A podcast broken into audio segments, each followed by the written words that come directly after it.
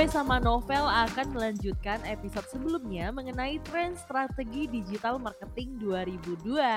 Ya betul sekali Priti. Tadi sebelum kita mulai podcast episode 6 ini Vel, Hmm, gue nonton satu YouTube Dewa Eka Prayoga. Dia itu adalah seorang internet marketer, jadi dia tahu banyak banget soal bisnis-bisnis gitu deh. Oh, jadi benar-benar konten yang memberikan edukasi bisnis ya? Bener. Nah dia itu mengatakan ada satu tren yang cukup efektif, Oh, kayak apa tuh? Yaitu micro influencer. Oh, kenapa nggak big aja ya? Iya Kenapa harus kenapa mikro ya? ya?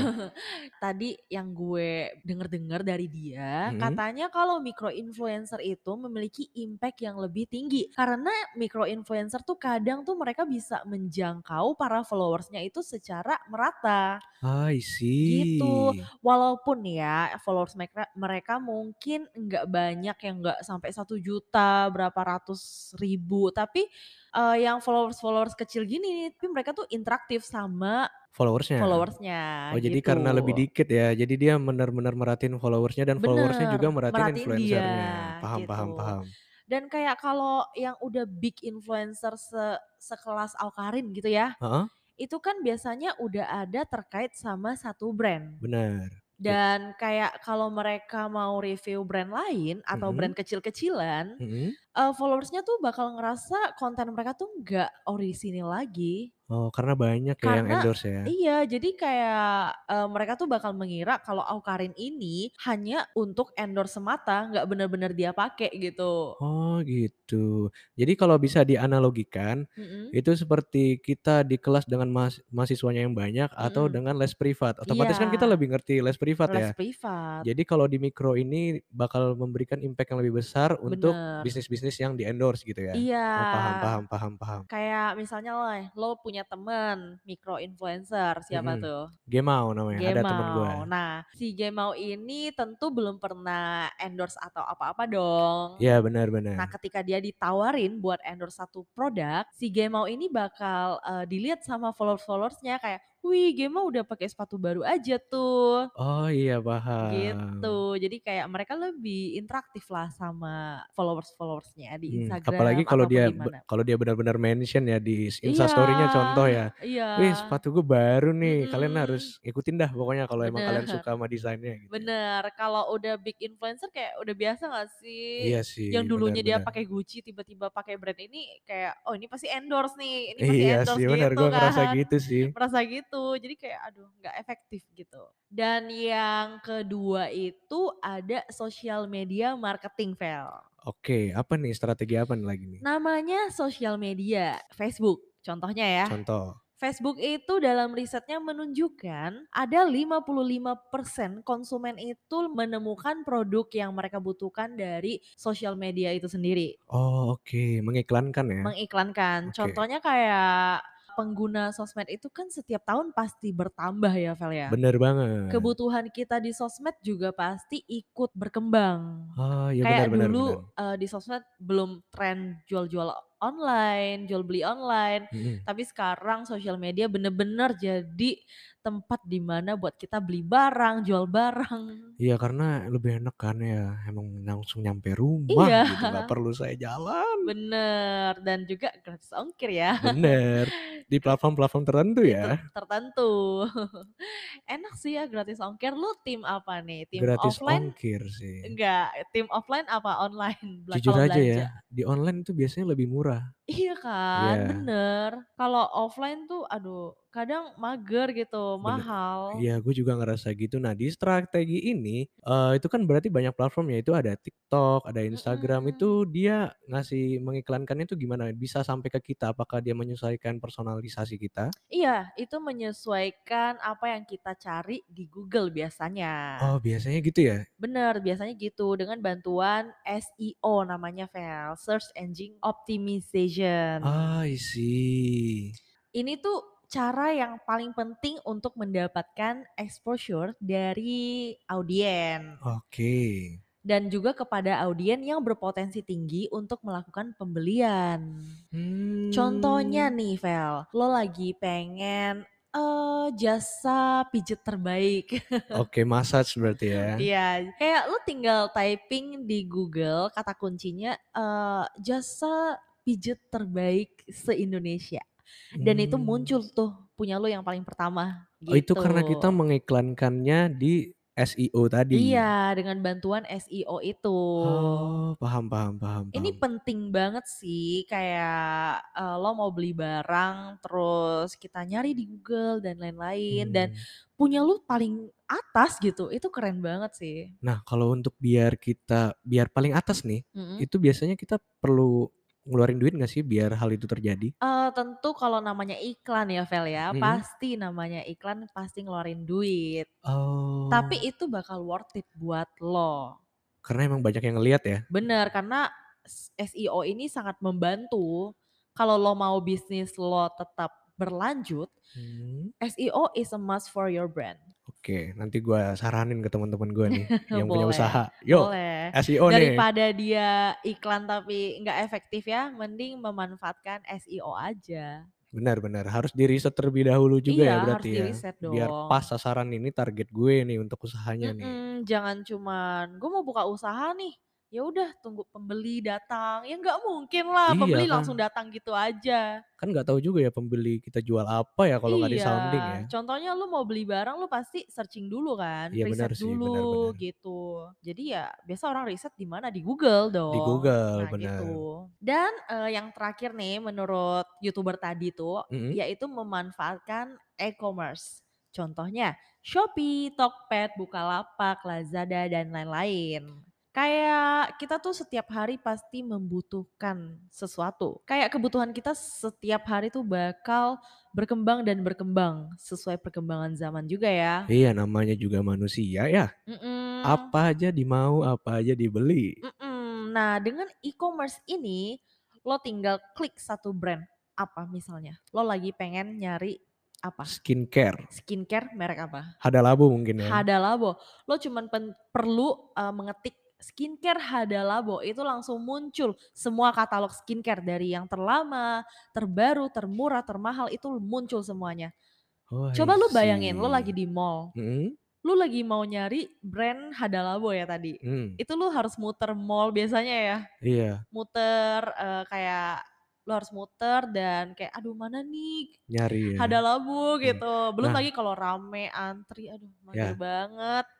Kadang gue juga harus agak malu ya nanya Mbaknya, "Mbak ini mana ya?" Kayak merasa bodoh aja gitu kalau nggak tahu tempatnya di mana. Tapi kan memang benernya harus nanya ya biar kita Harus tuh langsung nanya tahu sih. sih. Iya Tapi kan saya sih. maluan ya kayak, "Aduh saya nih cowok tapi pakai skincare," tapi kan saya juga mau ya pakai Mhm. skincare, Iya. tapi biar enak sih makanya online aja karena Iya online malu sih, aja. Tinggal lo gitu. ketik loh, Hada Labo. Misalnya lu pengguna Shopee, Hada Labo, langsung tuh muncul semua produknya. Mhm. Ada yang dari official store, sampai ada yang dijual eceran, lusinan, semuanya ada. Iya dan Tinggal pilih aja lokasi yang paling deket sama rumah lo, atau yang bisa COD, bisa dan lain-lain gitu deh. Menarik sih, Menarik banget. makanya dari harganya pun saja sudah Mhm. berbeda dan itu yang bikin Bener. lebih tertarik lagi karena saya Bener. agak kaum kos ya. Kaum kos. Jadi Kalau yang kos lebih kenapa? yang lebih murah itu yang diambil, tapi dengan Iya. kualitas yang sama. Tetap harus original lah yang Harus beli. Jangan original. mendukung barang-barang KW. Jangan karena lo anak kos lo beli barang KW-an, Iya besok-besok jangan. muka lo langsung jerawatan. Ya mending mending yang lokal tapi ori, Bener, gitu. itu juga gue milih gitu sih, Iya. mending lokal ori daripada branded tapi Tapi mahal. mahal. #lokalpride dong. Ayo Anda listener jangan dukung pride. barang-barang KW ya, tetap menggunakan barang original. Bener, karena lokal tuh juga mantap-mantap loh kualitasnya. Setelah mendengar kayak penjelasan tadi ya, soal strategi strategi-strategi yang dijelasin oleh Prity ini, Mhm. di sini gue bertanya-tanya, apakah teman-teman gue nih yang punya usaha-usaha ya, Mhm. selaku usaha seperti baju-baju, distro, segala macem, Eee, kebanyak UMKM lah ya. UMKM, Iya. bener. Nah untuk UMKM itu sih biasanya butuh suatu website nggak sih? Atau nggak ada nggak sih platform-platform yang membuat website itu secara mudah dan tidak mahal? Iya. Lu tahu nggak yang kira-kira yang bisa membantu lah teman-teman gue yang punya usaha nih? Nah, biasanya kalau kita punya usaha dan kita pengen website itu kan mahal ya biasanya ya, Fel, ya? Bener. Kayak mahal deh, kayak aduh mager gitu. Tapi website itu juga penting buat lo bisa go digital. Iya benar sekali. Apalagi di era digitalisasi. Website itu perlu. Ya, seperti yang kita bahas sekarang ya. Iya, website tuh perlu banget dan orang-orang juga nyarinya di internet kan. Di salah satu program di Andalworks ini ya, Anda listener, kita ada yang namanya UMKM Rakyat. UMKM Rakyat itu adalah program yang ditunjukkan untuk pelaku UMKM supaya setiap pemilik usaha itu bisa memanfaatkan teknologi digital secara maksimal dan mengembangkan bisnisnya lebih maju lagi. Wah, jadi nih UMKM nih bakal bisa nih membantu-bantu teman-teman gue yang selaku UMKM. Bener, saat ini kita juga lagi menyediakan program ini secara gratis kepada para pelaku Ah, usaha. bentar, beneran? Gratis? Iya, Wah, and baik banget dong UMKM rakyat ini. bener. Kita tuh menyediakan website gratis dan itu kita cuman ke tempat mereka lalu kita review makanan atau produk-produk mereka Heeh. dan kita buatkan website. Kita juga udah sediakan tim, tim kameramen, tim editing dan itu semua secara free. Wah, UMKM rakyat ini sungguh mulia sekali ya Iya, program ini ya. boleh dong Anda listener follow follow kita di Instagram dan Twitter di @umkmrakyat. Nanti juga bakal nih gua share ke teman-teman gua yang Mhm, selaku UMKM ya. karena kita juga menyediakan seminar satu bulan sekali ya, Mhm. membahas tentang UMKM rakyat ini. Wah. Tentunya dengan narasumber yang kece-kece banget, gitu. Oke, di sini gua akan bahas nih sesuatu tentang digital marketing. Ada berita-berita yang terkini dan menarik Mhm, untuk didengar oleh Priti sendiri dan Anda listener. Dan untuk digital marketing ini ada nih jasa atau suatu program yang mhm. diberikan oleh Kementerian Komunikasi dan Informatika. Dia menyediakan tiga program pelatihan untuk membantu usaha mikro, kecil, dan menengah serta ultra mikro. Nah, Ultra mikro tuh contohnya apa, Vel? Ultra mikro itu ya yang benar-benar usahanya yang tuh kecil, yang di mana seperti Anda lihat seperti di jalan-jalan tuh Prit, Oh, itu ultra mikro ya ultra namanya? mikro, jualan kecil-kecilan.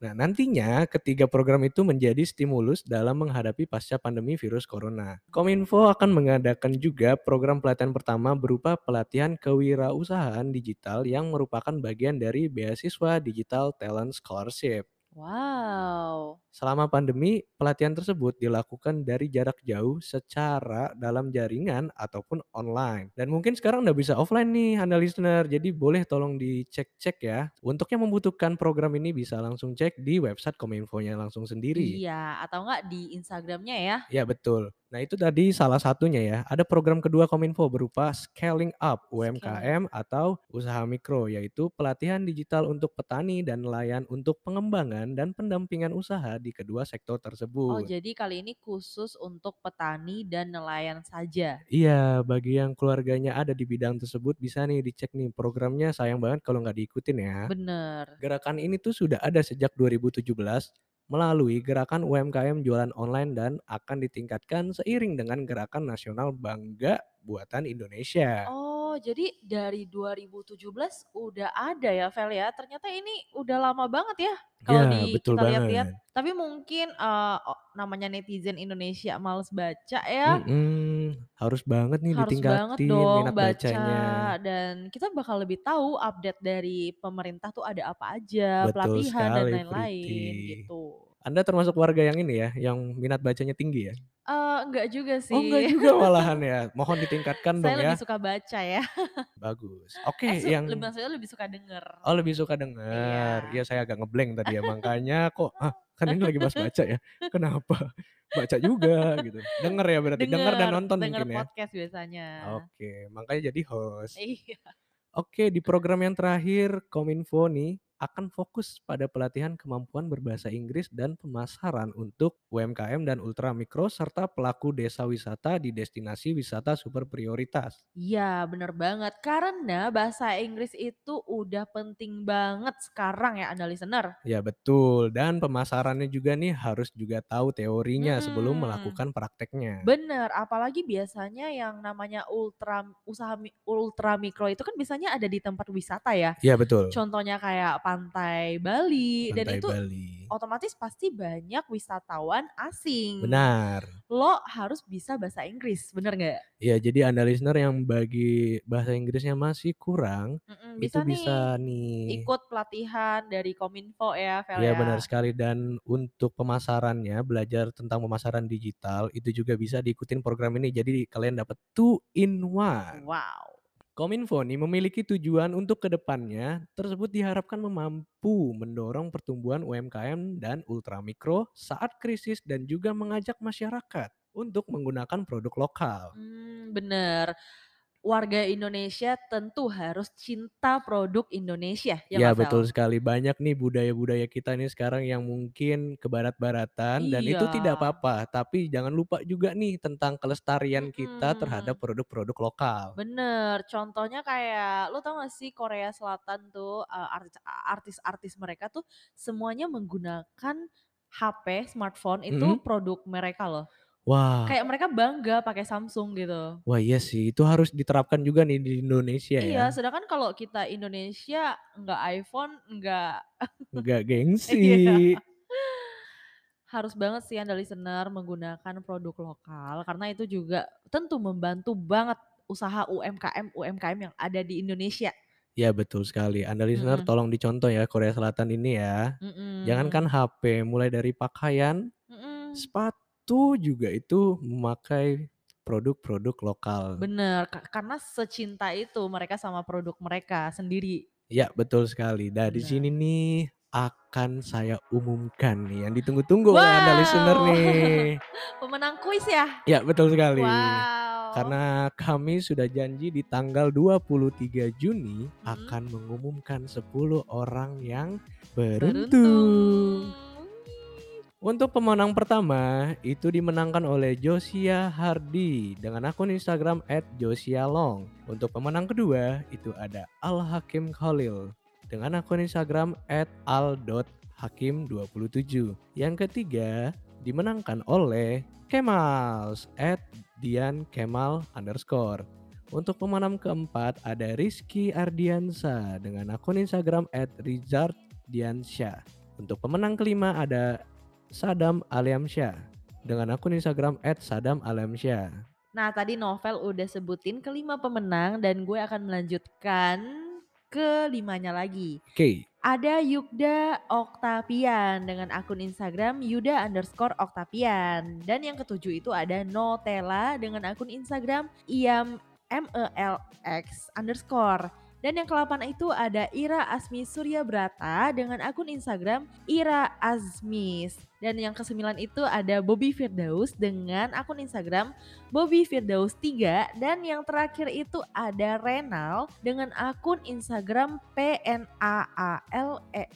ya selamat untuk para pemenang kuis kali ini. Wih, congrats untuk Congratulations. ke-10 pemenang. Nah, bagi pemenang-pemenang kuis, jangan lupa nih untuk mendapatkan hadiahnya wajib isi link di bit.ly slash underworks quiz. Ya, jangan lupa isi ya Anda listener, nanti hadiahnya hangus loh kalau nggak isi. Ya betul sekali. Aduh sayang banget nih kita udah harus berpisah dengan Anda listener di episode kali ini. Iya, semoga informasi yang tadi gue dan Novel sampaikan itu dapat berguna untuk Anda listener ya. Dan juga pelaku usaha UMKM. Iya, so gue Priti. Dan gua Novel. See you on next episode. Bye-bye.